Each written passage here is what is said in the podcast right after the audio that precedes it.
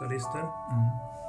Är vi allihopa det? Nej, jag är ju en god 69. Ja, okej. Men i alla fall inom 69, 74, 75 då. Ja. Ja, så jag är yngst där. Jag är ynglingen då. då. Ja, hej på er. Bebis. Ja, ja. Ja, Lammkött. Ja, Nej, klipp bort det sen.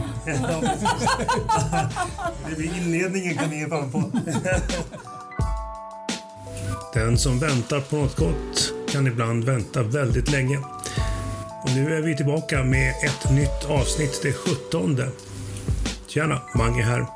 Välkomna till novellskrivarnas 17 avsnitt. Och den här gången handlar om frosseri. Och det är Lotta Fagerholm som står för det här temat. Välkomna hit. Välkomna till ett nytt poddavsnitt. Eh, idag så är det Magnus och det är Jörgen och jag Lotta. Eh, däremot så fick Henrik lite förhinder så han är inte med just idag. Men temat för dagens poddavsnitt är frosseri och det är ju en av dödssynderna. Jag kör ju det temat. Eh, och instruktionerna var egentligen ganska enkla. Eh, jag ville inte ha ett klassiskt julbord, för det kanske är det man, i alla fall gick tankarna väldigt snabbt för mig till just ett julbord, att man dräker i sig julmat. Men i övrigt så var det faktiskt fritt att tolka det hur som helst. Och det kan ju vara frosseri i, ja men mat var ju inte förbjudet, men det kan ju vara i känslor, i, inte vet jag, allt möjligt. Så det var eh, temat, eller är temat för dagen och vi ska börja lyssna på Jörgen som inleder då temat. Ja. Eh, och min novell heter Frans. Klockan är ett på natten. Frans sitter på en stol vid det gallerförsedda fönstret.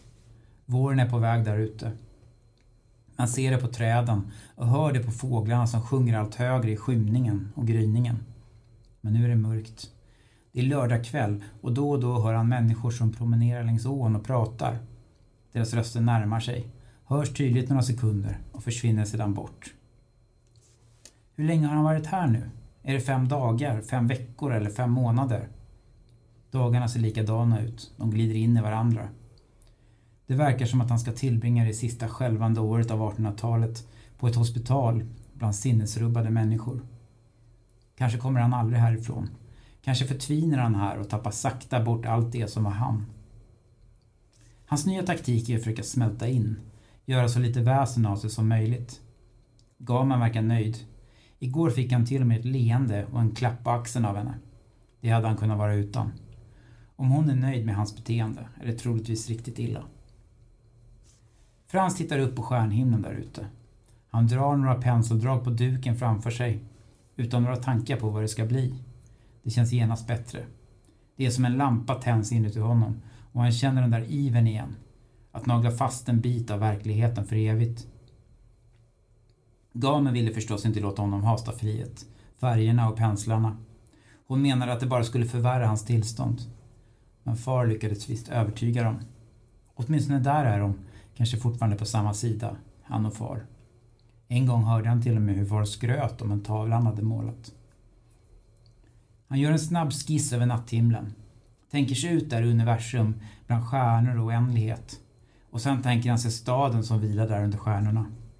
Kyrktornet som punkterar det svarta och som man kan följa neråt. Ner till staden, full av de småsinta människorna. Trots att de har oändligheten vilande över sig där uppe, till synes inom räckhåll. Men för dem, miljarder, miljarder ljusår bort.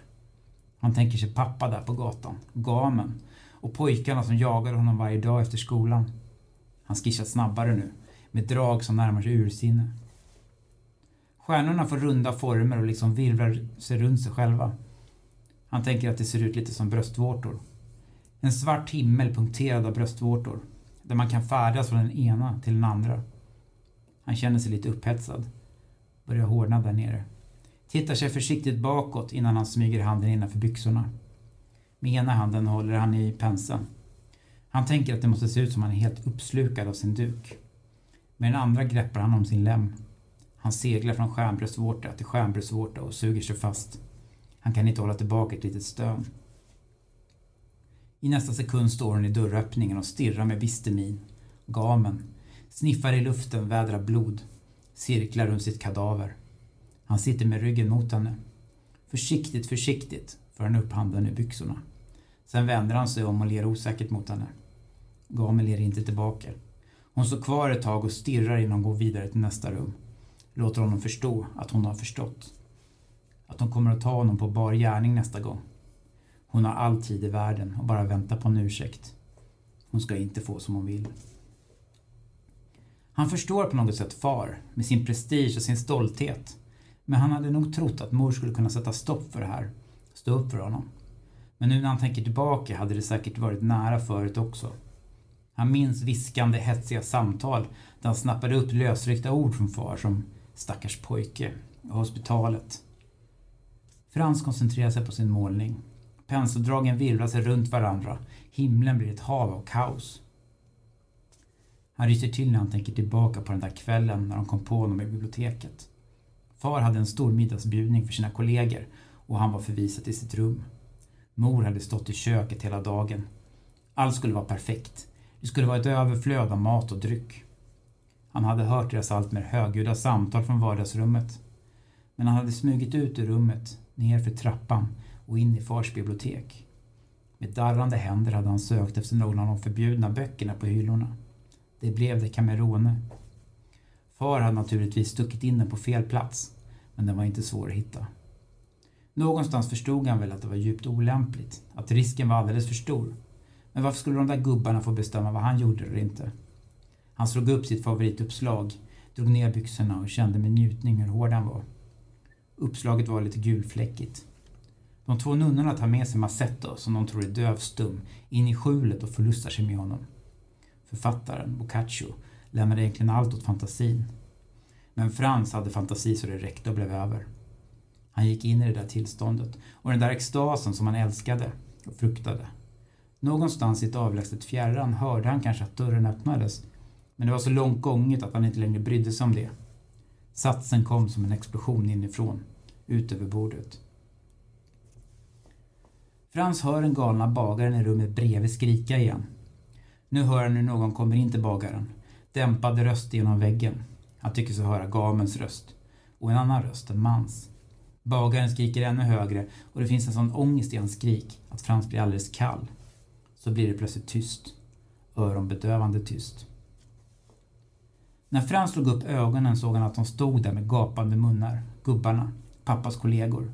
Alla fina lärda herrar som han aldrig kom ihåg namnet på. Den där med grå mustasch som haltade när han gick. Han med det stora födelsemärket i pannan. Han med den lömska blicken. Deras ansikten hade ungefär samma uttryck. Någon sorts märklig blandning av äckel, fascination och triumf. Det var som att tiden stod stilla. Han hade all tid i världen att registrera deras ansikten. Far slog sig fram genom hopen av fina herrar. Tog honom hårt i armen och drog honom genom korridoren, uppför trapporna och raka vägen upp till hans rum. Far låste utifrån. Han hörde mors röst där ute och rusade till dörren och skrek Mor, mor! Dagen efter hamnade han här. På droskan hit satt mor tätt intill. Hon kramade om honom och kunde inte hålla tillbaka tårarna. Far satt fram och körde med bister uttryckslös min. Han vände sig aldrig om. Inte en enda gång. Inte ens när Gam när de två skötarna kom ut och hämtade honom. Far bara stirrade rakt fram. Sist målar han de blå bergen, som stora vågor som höjer sig över staden och hotar, och hotar att sluka den. Och bortom bergen, friheten. Plötsligt står allt klart för honom. Nu när våren och värmen har kommit ska han härifrån. Han behöver bara tänka ut en plan. Och aldrig, aldrig att han ska tillbaka igen. Inte hit. Och inte till mor och far och den här staden. Det är som att hjärtat börjar slå i bröstet igen när han tänker på det. Bort, bort, bort från allt som fjättrar och håller tillbaka.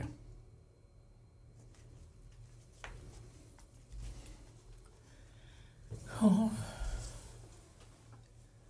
Penalism tänker jag. Jag menar, alltså frosseri i... eh, Alltså det är ju grymt. Eh, Alltså jag tänker på pappan där, jag menar alla upptäcker ju sina kroppar. Eh, Så jag vet inte, straffar pappa sig själv genom att pappan kanske själv har blivit bestraffad så här när han var yngre?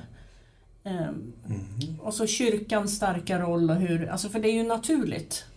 Men Slutet av 1800-tal. Ja, precis. Eh, Eh, Samhället i stark förändring. verkligen. Men pappan har ju definitivt gjort det här själv och förmodligen också mamman. Jag Och ändå ska det straffas så hårt. Och de måste ju då betrakta honom då som ett frosseri. För jag tänker så att de kanske har kommit på honom någon gång förut, så att där ligger frosseriet. Men det är ju omänskligt för att det är så naturligt. Alltså det är den bestraffningen. Men det, tyvärr, den är ju inte alls ovanlig. Jag tänker i synnerhet kvinnor var ju lösaktiga. Förlorade man oskulden innan äktenskapet så kunde man ju liksom råka ut för världens Ja. ryktesspridning. Så det var ju ändå tuffare för flickor. Ja, Mm. sen spred man väl... eh, Det spreds väl också att, att du blev sjuk om du av självbefläckelse. Mm. Att man då tappade syn, att man Ja, då fick eh, Precis. hår i handflatorna. Mm. Skojas det väl friskt och friskt om, men det är eh, synd i alla dess former. Har jagats av kyrkan i, i alla tider. Ja. Och eh, jag sitter ju med lite för, förhandsinfo kring karaktären Mm. Frans för att det var ju Jörgen, Henrik och jag som innan vi startade vårat, eh, det här som blev Nobelskrivarna så hade Mhm. vi ju ett annat projekt som vi eh, där vi bestämde oss för att stafettskriva en roman eh, som Mm. skulle utspela sig, ja det blev väl 1800-tal va? Ja, 1899 närmare Ja, bestämt. precis. Det skulle liksom få sin kulmen Ja. millennieskiftet. Mhm. Ehm, och ehm, då är Frans Jörgens karaktär. Mm. Eh, Vincent är min. Ehm, och eh, sen hade vi Henriks som hade en figur som jag faktiskt glömt bort namnet på. Ja, Eh, jag också. ja, men de var tre ganska olika. Det var en, en, en självbefläckare som var inlåst i stadens eh, eh, mentalinstitution. Sankt Anna närmare Ja, bestämt. Det är precis. i Nyköping. Jag har tagit bort det här. Ja. Tidigare. Ehm, och där, där han, han Men den här, den här du skriver nu, Ja. den här episoden, den var inte Nej, nej, det här, det här är nytt. Det här är... eh, Alltså just den här novellen är ny, den har inte du hört förut Nej. Det finns tillagt saker men Ja, det, det fanns finns- ju med ja, det eh, i finns- stora drag. Okej. Eh, Ja. för att, okej. ehm, ehm, vad heter det, eh, hon, eh, Gamen, ja, Mm. Mm. eh, är ju den beryktade elaka som jobbar där, som troligtvis har lite fuffens för sig och som också kom, som, som träffar Vincent vid ett senare tillfälle där Vincent eh, tar livet av kärringen. Mhm. ja, Och Frans passar på att rymma då. Ja, precis. Att, eh, Men vi, vi, vi körde i diket med det projektet. Men det här, så jag sitter ju lite med, med för jag vet Ja, vem, det. vem Frans är och, och det. så. Så jag ser ju hans eget frosseri i, i, i njutning som han Mm. själv styr över. Mm. Och lite grann att han också som Edgar Allan Poe-varianten inte inser sitt dilemma att han faktiskt inte mår riktigt bra i huvudet. Va? Mm. Han tycker att allting är okej. Han tycker att alla andra är dumma i huvudet. Men han har ju sin... Han är ju manisk på sitt sätt. Han, han målar och så, och så, så eh, onanerar han samtidigt. Och, och, och, Ja, det är Ja. nästan, alltså det är för mycket. Ja. Så det är rätt att det är naturligt och, och så men ja. för honom så, är, så har det blivit som ett frosseri eller som ett beroende. Men det är ju det Ja. ni vet om. Ja. För för mig låter ju, det, här, det är ju bara tragiskt, för mig är ju inte det här ett frosseri. Nej. Utan jag ser ju snarare det här som ett frosseri i förtryck som var på den tiden. Mm. Mm. I, i, i, I den världen, i den andan som det var. För att då Ja. kroppen var fel och ful och det, liksom, det skulle bara hållas på med det där om det levererades unga nio månader senare. Mm. Ja, det är sant. Så att jag såg det ju inte, jag förstår ju att tanken är att det är ett frosseri men ni känner ju Frans utifrån en annan utgångspunkt att han Men det faktiskt som du är... sa också tidigare att det här har då hänt flera gånger att han Mm. blivit påkomna av sina föräldrar. Ja, Det som är skillnaden här är att hela pappans rykte står på spel. Han har bjudit dit sina, sina kollegor och Mm. han har någonting viktigt, Mm, någon viktig affär mm, han ska genomföra mm. sådär. Och så tappar han ansiktet helt på grund av det här. Mm. Så han måste markera tydligt och visa. mm, jo, Ja. jo men det, det, det köper, jag- köper Ja. jag förstås. Mm. Eh, Jag tycker att det är, eh, dessutom så känns det som när det blir en... När det finns... Skapandet som, som pågår i ens undermedvetna ligger ju lite grann i det som du har skrivit Jörgen här med, med Frans. Han har ju funnits i ditt, i ditt huvud sen vi startade och det är ju två, över två år sedan va? ja. Eh, Så det, det, det, märks ju att, att det finns kött och blod i det här. Och det är inga endimensionella karaktärer utan det är de får liv.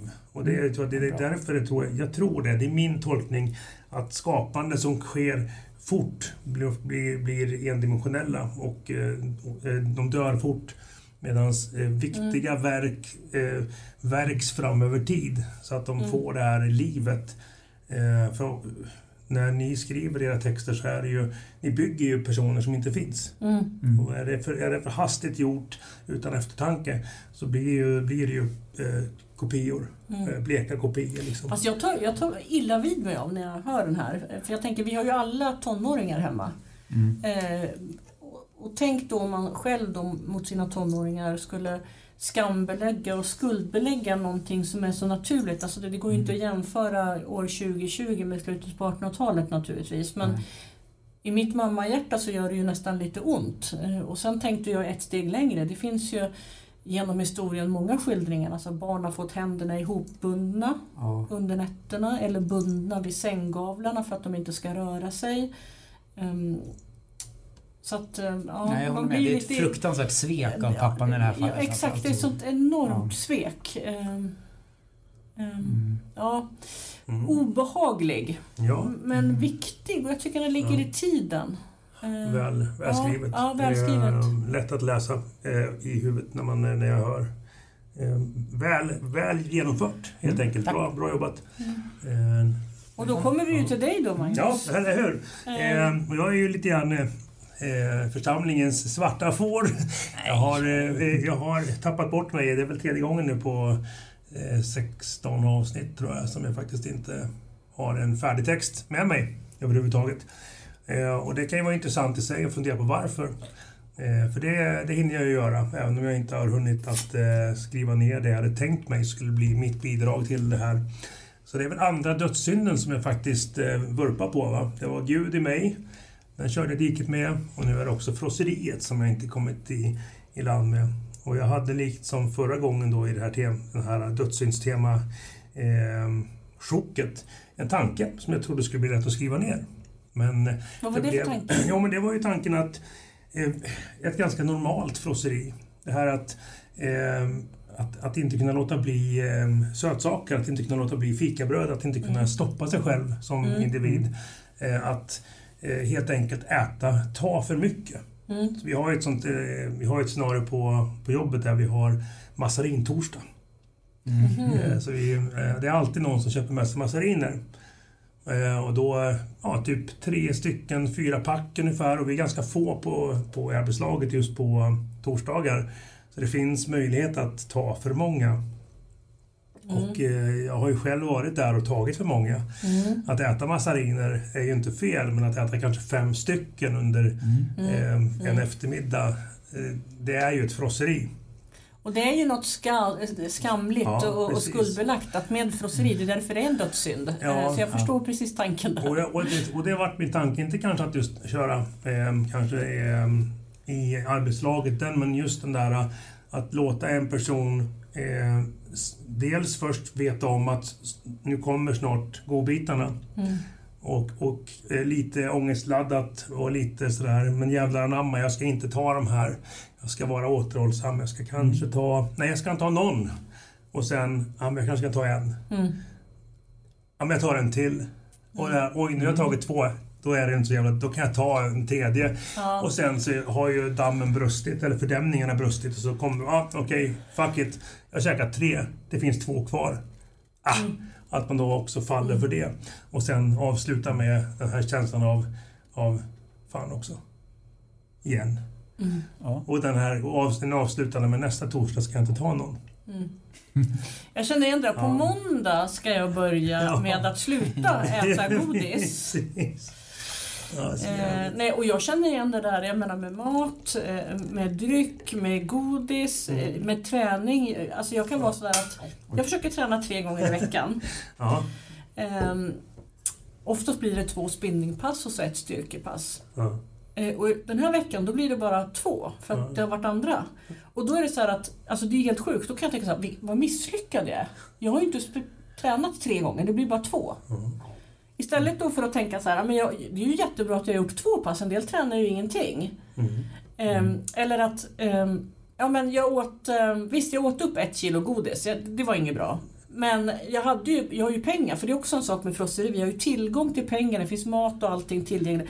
Ja, men jag åt ett kilo, ja, men okej, men jag åkte i alla fall inte och köpte det andra kilot. Ja, men förstår ni att Ja. man ändå kan berömma sig för att man gör något och avstår någonting annat. Ja. Men, det men det är så svårt med frosseri. Precis, och det är Det är min, svårt. eh, och jag hade tänkt att lägga upp det som att lägga tids, alltså rom, eh, romantiden, säga, men berättelsens tid mellan eh, uppvaknande och hem, hemgång från jobb, så 06.45 till 16.15 typ. Och att där ha instick per klocktimme typ. Jättebra idé. Eh, Mm. Vad synd att inte... Det var en väldigt bra och jag idé. hade, satt, satt, jag hade satt upp det så, så att i dokumentet, även om jag raderade skiten sen, för att jag blev, ja, så att, så att, ja, som en, och korta instick i det. Det hade, det hade blivit kort i alla fall. Men just att försöka liksom bara få fram att, att personen eh, går mot avgrunden fast personen hela tiden eh, förvissar sig om att jag har kontroll Mm. På det, jag ska inte falla Lurar för själv, det liksom. och faller för det. Och det är ju lite grann också... Men det är ju den där självkontrollen. Men det är Ja. liksom självkontrollen. Onanera Ja. för mycket. Ja, Äta för mycket, dricka för mycket, Träna för mycket, träna för träna mycket, för lite. träna för lite. Precis. Jag menar, det är ett frosseri åt alla Ja. olika perspektiv. Ja. Och det där blir ju att man känner en skam kring det. För att varför kan jag inte kontrollera min kropp och mina behov? Mm. Mm. Och då tänker jag att det måste jag, det är klart att det fanns frosseri förr i tiden. Men, Ja. men, men jag tänker att det, det är ändå mer, kanske ändå tydligare i den moderna världen. För här finns det ju en tillgång på Mm. allting. På ett Ja. annat sätt. Vi har ju råd. Jag menar, det, finns ju, det var ju som Sonja sa hemma, dottern. Hon sa ju så här, men mamma, det är ju inte speciellt bra att de ställer godisdiskarna vid kassan. Nej men säger jag, det finns ju en tanke bakom det. Jo sa hon. Och det är ju ofta så att man inte kan låta bli att köpa. Nej men det är ju klockrent och det, vet de ju. Det är, det är samma, det är samma anledning till varför IKEA har med sin, att du nästan inte kommer igenom butiken utan att passera de här enkla skärpboxgrejerna. Eller att man sätter upp saker där du, där du vet att här kommer alla passera igenom. Den här snirkelgången. Ja, ju, ja. Vara, jag, jag, jag impulsköpte ju en, eh, en liten sån här eh, fåtölj är väl kanske att ta i, men en, eh, ja, en, en sitt sittdon, en stol, typ stoppad stol, som de hade satt precis när man kommer ut på självplågslaget när det bara är upploppet kvar. Då var den där och i och med att vi då hade kommit ifrån varandra som gäng så, och jag hade väl kommit iväg lite före, då satte jag mig ner och väntade. Och sen vilken skön stol. Mm. Det slutade med att jag köpte med den. Den kostade inte supermycket pengar. Den kostade väl bara, typ, inte vet jag, 1200 spänn. Men det var, de 1200 hade vi ju inte räknat med att göra åt. Nej. Och hade aldrig någonsin gjort om den inte hade stått där. Så det är klart att det, Mm. med tillgängligheten skapar ju frosseri. Och eh, anledningen till att jag inte kan vara kreativ, det är när jag har för mycket kreativitet igång. Eh, då finns Mm, inte utrymmet. Till exempel som just nu så har jag flera små projekt som eh, som alla liksom, eh, de lever i huvudet även fast jag kanske inte just här och nu Jag sitter och, och klipper i film eller gör så håller jag på och bearbetar tankar och idéer. Ja, för imorgon ska jag spela naturligt. in. Eh, och sådär. Så då kände Tisdag jag... ska vi spela in och... Ja, tisdag och sen så ska Ja. jag även spela in på torsdag för då ska ju ytterligare en person stå framför kameran. Eh, och sen tror jag i det att det är åtminstone ett par, tre till som ska spelas in. Sen ska jag sätta ihop till en film och, annat och sådär. Va? Det är så naturligt. Men kan vi inte återvända till novell lite grann? För Jo. det var ju två saker jag tänkte på ja, eh, eh, som jag gillar med det. Eh, det är dels det här eh, ändå på ytan odramatiska. Alltså en, en väldigt tydlig vardagssituation som alla känner igen sig i. Det är liksom ingen, eh, inget mord här och inget som man har på mentalsjukhuset. Det är liksom inga stora gester. Men det behöver det inte vara, för Nej, det är en konst i sig. Det är en konst i Precis. sig att skriva och åstadkomma någonting som är så enkelt och banalt som att käka massariner Ja. på jobbet. mm, Och det kan vara Klockrent. väldigt bra alltså, Mycket bra. åskådliggöra ett tema. Mycket bra. Och sen frosseritemat tyckte jag också var jättesvårt. Alltså det tog långt innan jag, innan jag hittade min ingång på det. Och då får jag gå tillbaka till en gammal text. mm, Men eh, det här handlar ju mycket in om, om överätande, tycker jag. mm. Eh, och, och synden i det liksom, det, det är ju också de som inte har någonting. Alltså Mm. när man vräker i sig mat och så på andra håll så är det folk som svälter. Mm. Och det finns såklart en koppling. Mm. Jag läste lite om, om Mm. hur, de har skrivit om frosseritemat Mm. tidigare. Och det är en, en stor del av skulden i det liksom. Jag vet. Att jag äter mycket och den där får Jag ingenting. vet. Jag vet. Och därför är det inte bara jag som drabbas. Eller, Mm. Men det var ju Ja, därför jag försökte att inte, inte det här klassiska julbordet. Mm, Eh, ja. för, för nu när jag ska läsa min så kommer ni förstå, det finns mat med här också men det är en frosseri på en annan dimension. Ja. Men det var Mm. därför som jag inte ville ha det klassiska julbordet. Jag tror ni kommer förstå. Och sen när Mm. vi berättar varifrån jag fick idén så kommer ni också förstå. Gott, härligt. Mm. Jag hade lagat mat hela dagen och var vimmelkantig av alla dofter. Hjärnan kändes bedövad och jag försökte intensivt tänka på annat. Jag tänkte på mina systrar och undrade var de, var de befann sig just i denna stund. Kanske var de bara några stängsel bort. Eller så var de på den plats man inte pratade högt om eftersom det var en outhärdlig tanke. Men detta outhärdliga gjorde samtidigt att jag inte kunde tänka på något annat än just mina syskon. Jag minns till exempel inte min mors ansikte längre. Hennes anletsdrag har blivit oskarpa och suddiga. Ibland när jag drömmer om henne så är det doften som kommer till mig istället. Hon luktade alltid av nybakat bröd och solsken. Jag kan inte heller minnas min fars ansikte. I drömmarna hör jag endast hans hjälplösa skrik och då brukar jag vakna för att inte kunna somna om.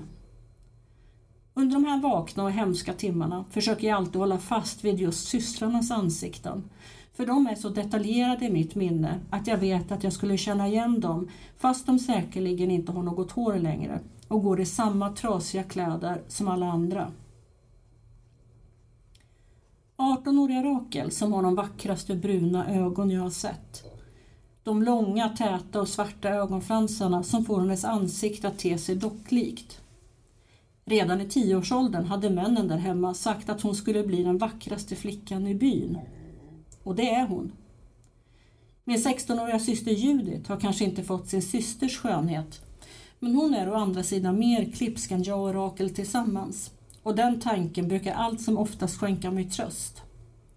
För är det någon som har möjlighet att ta sig ur detta helvete med livet i behåll, så är det hon. Jag har varit vaken nästan i ett dygn nu och jag vet inte hur länge till jag orkar hålla mig på benen. Morgonuppropet igår startade som vanligt klockan fem och det var fruktansvärt kallt på samlingsplatsen. Det hade blåst hårt och det hagel som föll hade ömsom varit hårt som små glaskulor, ömsom vassa som synålar. Jag tror att jag har fått feber. Vid fångräkningen hade det saknats tre personer och som vanligt innebär detta, innebar detta en olidlig väntan för oss andra. Om inte Capos siffror stämmer med antalet fångar som står uppradade i de linjeräta leden så får ingen lämna platsen. Och trots att alla vet, även SS, att de tre saknade personerna troligen är döda och ligger någonstans på lägerområdet så måste deras siffror överensstämma med antalet levande själar. Det tog tre timmar att hitta de saknade. Och precis som jag och alla andra hade vetat så hade de varit döda. Jag kände ingen av dem personligen, men rykten färdas snabbt här i lägret och två av de döda hade tydligen varit bröder som valt att dränkas i en av lägrets stora latringropar. Hand i hand hade de mött sin skapare. Den flicka som hade hittat stöd hade tydligen varit så liten och tunn av svälten att hon helt enkelt hade undgått genomgången av baracken där hon hade sin plats. Slutligen hade någon lyft på några söndriga jutesäckar och där hade hon legat med vidöppna ögon. Förmodligen hade hon sökt lite värme i den dragiga baracken och krypit under det som hon hade hittat. Ett annat rykte som gick var att hon hade blivit ihjälklämd av någon av de andra kvinnorna som hon delade brits med. Men egentligen är ju anledningen helt ovidkommande. Den här namnlösa flickan är bara en av tusentals andra döda flickor som går samma öde till mötes. På vingliga ben måste jag och de andra i köksgruppen nu plocka undan all den mat som fortfarande ryms i skålarna och ligger kvar på faten. Jag förundras faktiskt lite över mig själv. Att jag lyckats hålla ifrån mig snattandet under de timmar som gått. Det är omänskligt svårt att låta bli potatisen, korvarna, ostarna, brödet och bakverken. Men jag ska ärligt erkänna att min vilja har sviktat många gånger under den här kvällen. Men att se Jacks öde fick slutligen mina händer till absolut tystnad. Medan befälen åt, drack och sjöng så höll de lägre rankade soldaterna koll på att mat och dryck serverades som det skulle. Och naturligtvis att vi fångar inte åt något av det som vi tvingades ställa fram. Jack lyckades inte hålla djävulshungern i schack utan hade med snabba fingrar stoppat i sig några köttslamsor som hade råkat hamna på golvet när en av de berusade befälen hade ramlat med sin tallrik. Situationen hade förstås inte undgått en av soldaterna. Med ett vrål hade han rusat på Jack och börjat sparka honom urskillningslöst samtidigt som han gång på gång slog med gevärskolven mot hans huvud. Misshandeln pågick långt efter att Jack hade dött. Men det var som om slagen och sparkarna roade soldaten samtidigt som befälen, rusiga av snapsen, applåderade varje spark. När han var färdig var han svettig av ansträngningen, men belönades genast med en stor sejdel av det bruna öl som SS drack kopiösa mängder av. Fastän Jack inte var en stor fransman så vägde han tyngre än bly för oss när vi skulle släppa ut honom, bort, ut ur baracken. Men ingen av hans franska kamrater grät en tår. Inte jag själv heller. Tårar torkar nämligen in där mänsklighet slutar existera. Vi släpar ut den döda kroppen i tystnad. Ut i den mörka natten och den kommer att bli liggandes i det kalla gruset fram till att lägrets uppsamlare kommer med sina skottkärror för att ta hand om det senaste, dygnet, senaste dygnets döda. Medan Racks vänner torkar upp hans blod kan jag se att deras läppar formar en tyst kaddish, en bön för sin döde vän. Själv tänker jag på mina systrar.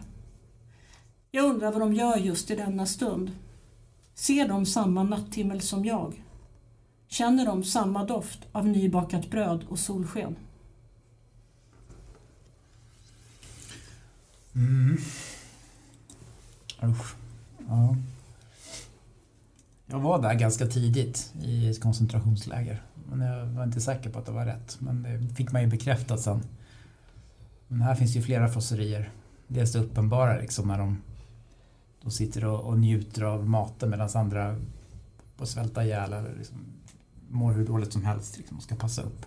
Men också det här frosseriet i grymhet faktiskt. Det här liksom att det, det räcker inte att vara över och ha de här under och att de redan är så illa behandlade utan det ska liksom förnedras och in absurdum nästan. Och, och, det är ju ingenting du har hittat på utan det finns ju väldigt många vittnesmål om det där liksom.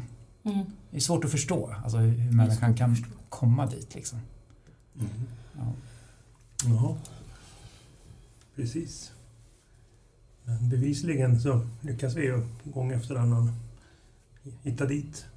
Det är inte så länge sedan som forna Jugoslavien bröt itu och hur, hur grannar som tidigare hade delat eh, sin vardag helt plötsligt mördar varandra. Eh, och så vidare. Så att eh, människan har det bevisligen i sig. Tyvärr. Eh, det är väl inte undra på att det som en gång i tiden skrevs ner som dödssynder, är många, många hundratals år sedan man gjorde de här listorna. Mm. Det är ju inget nytt och det är ju ingenting som har förändrats heller. De har bara skiftat lite i, i vad vi gör. Utbudet av saker att frossa i har, har ökat. Men just i det här fallet i, i din berättelse Lotta så är det ju klassiska, eh, klassiska ämnen i eh, överflöd.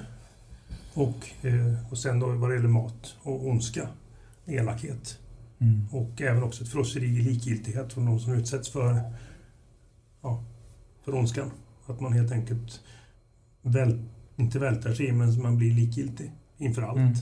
Och det är ju inte ett frosseri så att man medvetet kanske eh, blir likgiltig men man, efter, de blir ju det. Det blir deras mm. enda tillgång är att vara likgiltig. För det är det enda som hjälper dem. Alltså frossar man i, i likgiltighet. Mm. Eh, mm. omedvetet. Ja, för döden är så vanligt förekommande ja. och man ser ju lik så de, de kan inte gråta över varje lik, det går nej, inte. Precis. Nej, de, nej. Det var, nej, men precis, det är ju så. Eh, precis, nej, men det var bra, bra gestaltat. Eh, just den eh, standardiserade grymheten att man eh, ger sig på den här Jack eh, som inte har gjort någonting förutom att han spillde Mm, det var ju en soldat som spelade och han kunde inte stå emot. Nej, han tuggade i sig Precis, han tog, tog det. Och, i, och, liksom, och i det sen påhejad i, i sitt... Eh, ja, helt enkelt i mordet som man begår där mm. på den här personen. Att det, det, är liksom ingenting... Ja, det är väl ingenting. En del i mm. skådespelet, en del i det som... Ja. ja, det är nästan det som är det hemskaste. Att det är liksom inte någon, känns inte ens som någon jättemärklig situation för dem i det här rummet, det som händer. Liksom. Utan det har blivit så systematiserat och vardag liksom. Så. Ja. Men i alla fall just att eh, eh, jag menar, vi är ju stöpta i, i, i den här typen av eh, massproducerad underhållning. Det, är, det är det som har varit vårat. Det har varit eh, kalla kriget-filmer med spioner i och det har varit eh, eh, filmer om andra världskriget och allt vad det nu kan vara. Plus verkliga eh, liksom, eh, eh ögonvittnesmål från människor som har levt i koncentrationsläger. Vi vet mm. ju i Sverige hur, hur det gick till och det är inte första historien om det här som, som jag hör på långa vägar, så jag har ju en bild klar för mig. Mm. Jag ser ju eh, det här lilla långbordet med de här eh, gråa, gråa SS-uniformer och så vidare. Sitter där och, och, och vältrar sig i käk samtidigt som den här eh, hålögda med, med kindbenen framträdande Jack som är där och, mm. och inte kan... Han vet ju, Jack vet ju det här om jag gör någonting åt det här spilda så är det körd. Mm. Mm. Och ändå tar han chansen. Ja, det går liksom mm. inte. Han kan inte. Det är ren så här. Eh, jag ser ju där, det blir ju bilder för mig. Det är ju, och det är ju ganska så otäckt att det kan vara så, men så är det. Mm. Men vi, in, vi, vi känner ju till det. Men här är ju också att, mm. om jag tänker då, prata lite om varför jag valde... Mm, ju du börja direkt. Ja, varför jag valde ett koncentrationsläger är ju... Jag menar, dels då så en spricka i spegeln, min debutroman, eh, tar ju upp andra världskriget och mm. så. Och jag är oerhört intresserad egentligen av 1900-talshistorien. Nu hänger historien ihop, det är inte så att man kan plocka ut den. Men det var ju sånt väldigt händelserikt. Det hände ju så mycket förr med tekniska framsteg på både gott och ont och så. Ehm, och det jag inte kan sluta fascineras över det är Alltså ondska, hur blir man ond? Jag menar ni vet också att jag är intresserad av seriemördare. Eh, alltså jag är inte intresserad av det blodiga och själva liksom mördandet i sig utan det är psykologin bakom. Mm. Eh, och hur, ju mer jag studerar, ju fler dokumentärer, jag är lite besatt av det här eh, och samlar litteratur och läser sjukt mycket. Så ju mer jag läser och ju mer jag kan om det, desto mindre förstår jag. Så det är också lite paradoxalt. Samtidigt så kanske det måste vara så. Eh, eftersom det är så tragiskt. Det, ja, skulle man kunna förstå psykologin bakom så skulle ju det här sluta. Men grymheter pågår ju hela tiden. Det är bara att kolla på Syrien och vad som händer nu och så. Mm, mm. Um, sen var jag ju i Berlin då eh, på jullovet här nu i några dagar i december. Och då, men är Berlin en mycket spännande, fantastisk stad som jag gärna åker tillbaka till. Men det var första gången jag var just där. Jag har ju varit jättemycket i Polen och besökt läger och sådär. Mm. Men då åkte jag till Sachsenhausen. Och, eh, ehm, och det är ju mycket som jag känner igen från researchen till En spricka i spegeln och, och läger och all litteratur och så som jag läst innan. Men lägret var alltså så obetydligt fjuttigt, pytte, pyttelitet jämfört med Auschwitz-Birkenau till exempel. Mm. Och det förvånade mig och ändå fanns det ju tiotusentals fångar på den här lilla, lilla ytan. Mm. Och bland annat om man kommer in då, det står ju också Arbeit macht frei när man kommer in, så den här appellplatsen, samlingsplatsen, den var uppgjord som en triangel så att de stod alltså hur, de, verkligen som packade sillar och fick stå i, i snöret. Och, man, och står man där och tittar ut, för triangeln finns kvar där, den är liksom en grusbelagd plats. Alltså det var någonting som gick rakt in i mig. Jag tänkte att just om den här platsen mm. måste jag berätta. Och då är det så att Auschwitz har ju många berättat om. Men alltså det, alltså det är ondska, men alltså det var någonting med, det, det var så jättelitet lägerområde. Mm. Och ändå så dog så oerhört många människor där. Eh, och det blir ju också att när vi åkte till, för då kliver man av i Oranienburg och då gick vi då med en guide där. Eh, och guiden, alltså de här husen som vi ser nu, de byggdes i slutet på 1800-talet, 1910-20, så att de här bostadshusen, fångarna gick alltså den vägen som vi gick från eh, pendeltåget mm. till själva lägret. Säg att det var en promenad kanske på 15 minuter. Där gick fångarna då samma väg från tågstationen. Mm. Och det var ju bostadshus, så många av de här husen, där stod ju folk. Så att, och då blir också det här, den, här, den här psykologiska effekten. Där stod alltså mammor med sina barn och kanske drack sin kaffekopp eller jag tog en cigg och hängde ut från fönstret och tittade då på alla de här som kom och gick på väg till den här plågan. Mm. Och då blir det också psykologin, jag menar, som det har forskats hur mycket som helst i. Men hur kunde det bli så här? Varför protesteringar? För vanliga tyskar såg ju det här. Mm. Mm. Och även om det här inte var ett förintelseläge på det sättet som Auschwitz var så blir det också för mig när jag gick där och såg de här husen, de här stod här. Här bodde det människor, barnfamiljer. Pojkar och flickor var ute och kastade kula, spelade fotboll på gatan och så gick de här förbi här. Mm. Och för mig det blir alltså så, så ofattbart. För om man tänker så Auschwitz-Birkenau, eh, Auschwitz ligger ju i centrala delen av stan. Sen ligger ju Birkenau kanske tre kilometer. Men det ligger ändå lite mer avskilt. Jag menar, då kanske man kan inbilla sig att man inte visste om det där läget, om ni förstår vad jag menar. Men det här, Sachsenhausen, det var verkligen i stan Oranienburg. Mm. Och då kände jag att alltså det var... Det här måste jag på något sätt återkomma till, kände jag, när jag var där. Och det blev en del av den här novellen? Det blev en, den här novellen. Ja, men det var en lång mm. utläggning. Ja. Men, men alltså, det här berör mig på så många plan. Och, mm. och jag, jag kommer nog alltid komma tillbaks till på något vis andra världskriget och den specifika systematiska ondska som var då. För det finns ju faktiskt inget folkmord som påminner om det i den här stora, enorma talen som vi pratar om. Du får fram en sak bra i din novell här, som, som jag också funderar mycket på det här. Alltså det här kombinationen av eh, vilddjuret i människan. Alltså en, en, bäst med blottade tänder med blodet rinnande från munnen i en uniform, mm. i, ett, i en systematisk tysk eh, klinisk mm. systematik. Mm. Det där är ju fruktansvärt läskigt alltså. Den kombinationen. Mm. För det här är ju, det är ju vilddjur som sitter ja, där vid, vid de här ja, borden. Mm. Och så vittrar de blod liksom och så Och ändå är det vanliga pappor. Ja, det, alltså det är vanliga fäder, det är någons son. Mm. De har någonstans lämnat sin mänsklighet utanför de här grindarna innan de går in på lägerområdet och utför det här. Ja, alltså det, det här kan man ju säkert eh, eh, prata om i, i, i evig tid. För att just själva eh, paraplyet över alltihopa, det där kriget som var, det är en sak. Sen att man ger sig på en specifik folkgrupp, man ger sig på eh, specifika delar av sin befolkning. Eh, handikappade eh, av olika slag eh, och så vidare. Intellektuella meningsmotståndare och så vidare.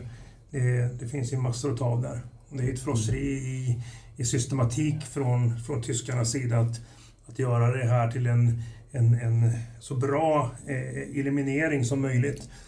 Och samtidigt måste jag säga att det fanns någonting som var ändå positivt när jag gick där. För då är det så att när man är på väg in till lägret kan man säga. Då ligger det alltså, där har den tyska polisen idag ett utbildning, det finns säkert flera förstås i Tyskland, men ett utbildningscentrum där man utbildar poliser. Mm. Och de håller till i samma baracker där SS utbildar alltså sina mördare som då skulle vara i de här lägren. När andra världskriget, alltså samma, det är samma stenbyggnader, det är precis samma, de är väl förmodligen upprustade invändigt. Mm. Men det är alltså samma byggnader. Men då valde den tyska staten att behålla de här gamla SS-husen där de då hade blivit tränade för att mörda. Men nu så är det alltså ut, polisutbildning håller till där. För nu också en symbolisk, och det finns skyltar och information, att vi kan inte låta det här se. De poliserna som var några generationer innan oss, de gjorde ju allt för att inte stå upp för människovärde och för demokrati. Men nu, den moderna mm. tyska polisen och, och, och liksom Tyskland som nation, vi väljer att ta avstånd från den här delen av vår historia. Så därför använder vi de här byggnaderna, vi river dem inte. Men nu utbildar vi liksom poliser som har ett hjärta. Och så, det finns en symbolik i det. Mm. Och det tyckte jag var lite hoppfullt ändå när jag gick där. Först tyckte jag, men gud, det här är ju makabert. Men sen nej, så tyckte jag att men det fanns en god tanke i det. Mm. Mm. Ja, från, eh, eh från nazisterna mm. till eh, självbefläckarna i... Till Frans. Ja, till Frans. Hur tänkte ja. du när du skulle... Ja, jag satt ju väldigt hårt inne det här temat för mig. Alltså, jag jag har nog aldrig läst så mycket om liksom, typ frosseri som, som en dödssynd. Jag brukar inte behöva liksom, göra någon sån typ av research för att komma igång men nu gjorde jag verkligen det. Och jag hittade inte fram någonstans liksom. Men det var när vi, vi hade en liten konversation där på Messenger och, och, man tänkte beroende mer. Eller när jag tänkte beroende, då, då lossnade det lite.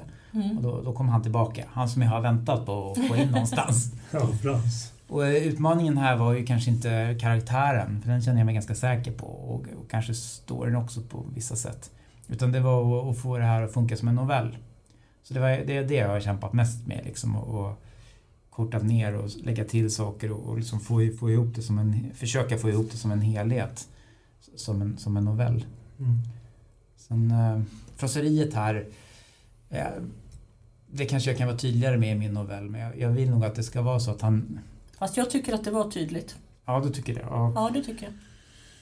att det här är någonting han gör hela tiden alltså Ja. det är nästan Mm. Maniskt. Ja.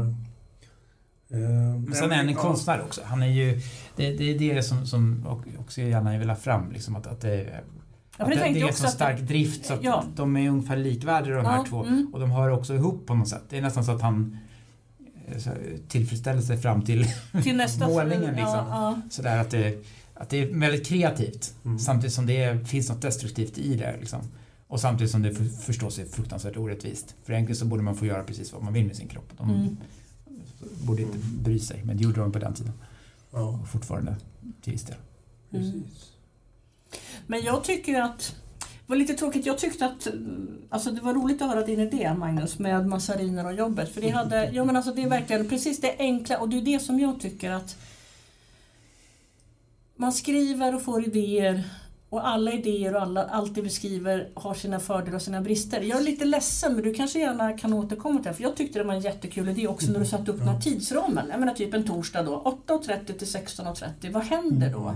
Dagen. ja. Och, och massarinerna, alltså jag tyckte det var en lysande, det hade blivit utmärkt. Hallå, eh, jag lovar ingenting, men i och med att eh, det är det som jag snart kommer tala om som är nästa tema som är rätt, rätt eh, eller ganska så öppet eller nästan, ja, inte helt vidöppet eller kanske, jag vet inte. Så är det en, en del i det så skulle jag kunna lägga det som en, att, ja, lägga in det som att jag skriver klart den under veckan som kommer, de två veckorna som kommer. Eh, Det vet vi inte, vi får se. Det är, jag kanske hamnar i ett, ett, dödläge igen och bara pratar om någon typ av... Jag kanske tar med mig ett författarskap. Jag vet inte, jag har inte kommit så långt i min... Mm. Jag har, bara, om saker och ting har blivit klara och jag kan eh, koppla loss vissa bitar så kommer jag nog vara, ha lite mer kreativ kraft. Men du, han kan, det kan ju vara en offerkostnad det här också. Just det överätandet och... Ja. Jo, men jag tänkte det, Ja, att han- så du tänkte. Eller personen, att, att, att personen då i sitt eh, frosseri och sin självömkan eh, hamnar i, i det, liksom, att han är en Mm. offerkofta, eller hon eller den. Men i alla fall, jag tänkte så här, det som, det som är utmärkande för den typen av texter som vi skriver, som är korta, eh, det är nästan aldrig de överskrider två och en halv sida. Någon enstaka gång har någon kommit med tre, tre A4, men det är väldigt sällan. Det gör ju att de nästan aldrig är eh, så pass stora i, i, i sitt lilla omfång att man får både ämnet och karaktärerna, personerna, fullt utvecklade. Att formatet tillåter inte riktigt. Eh, två och en halv sida att, att lära känna en person.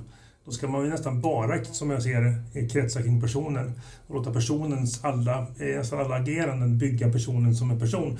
Eh, det hinns ju nästan inte med för att här vill vi både få fram ett tema och personerna så det blir någon typ av mellanläge. Och det är som till exempel förra gången när vi körde sjukdom att min Linnea som troligtvis är en sinnessjuk mordbrännare eh, har ju mer att berätta men det fanns inte plats för hennes mående för att Mm.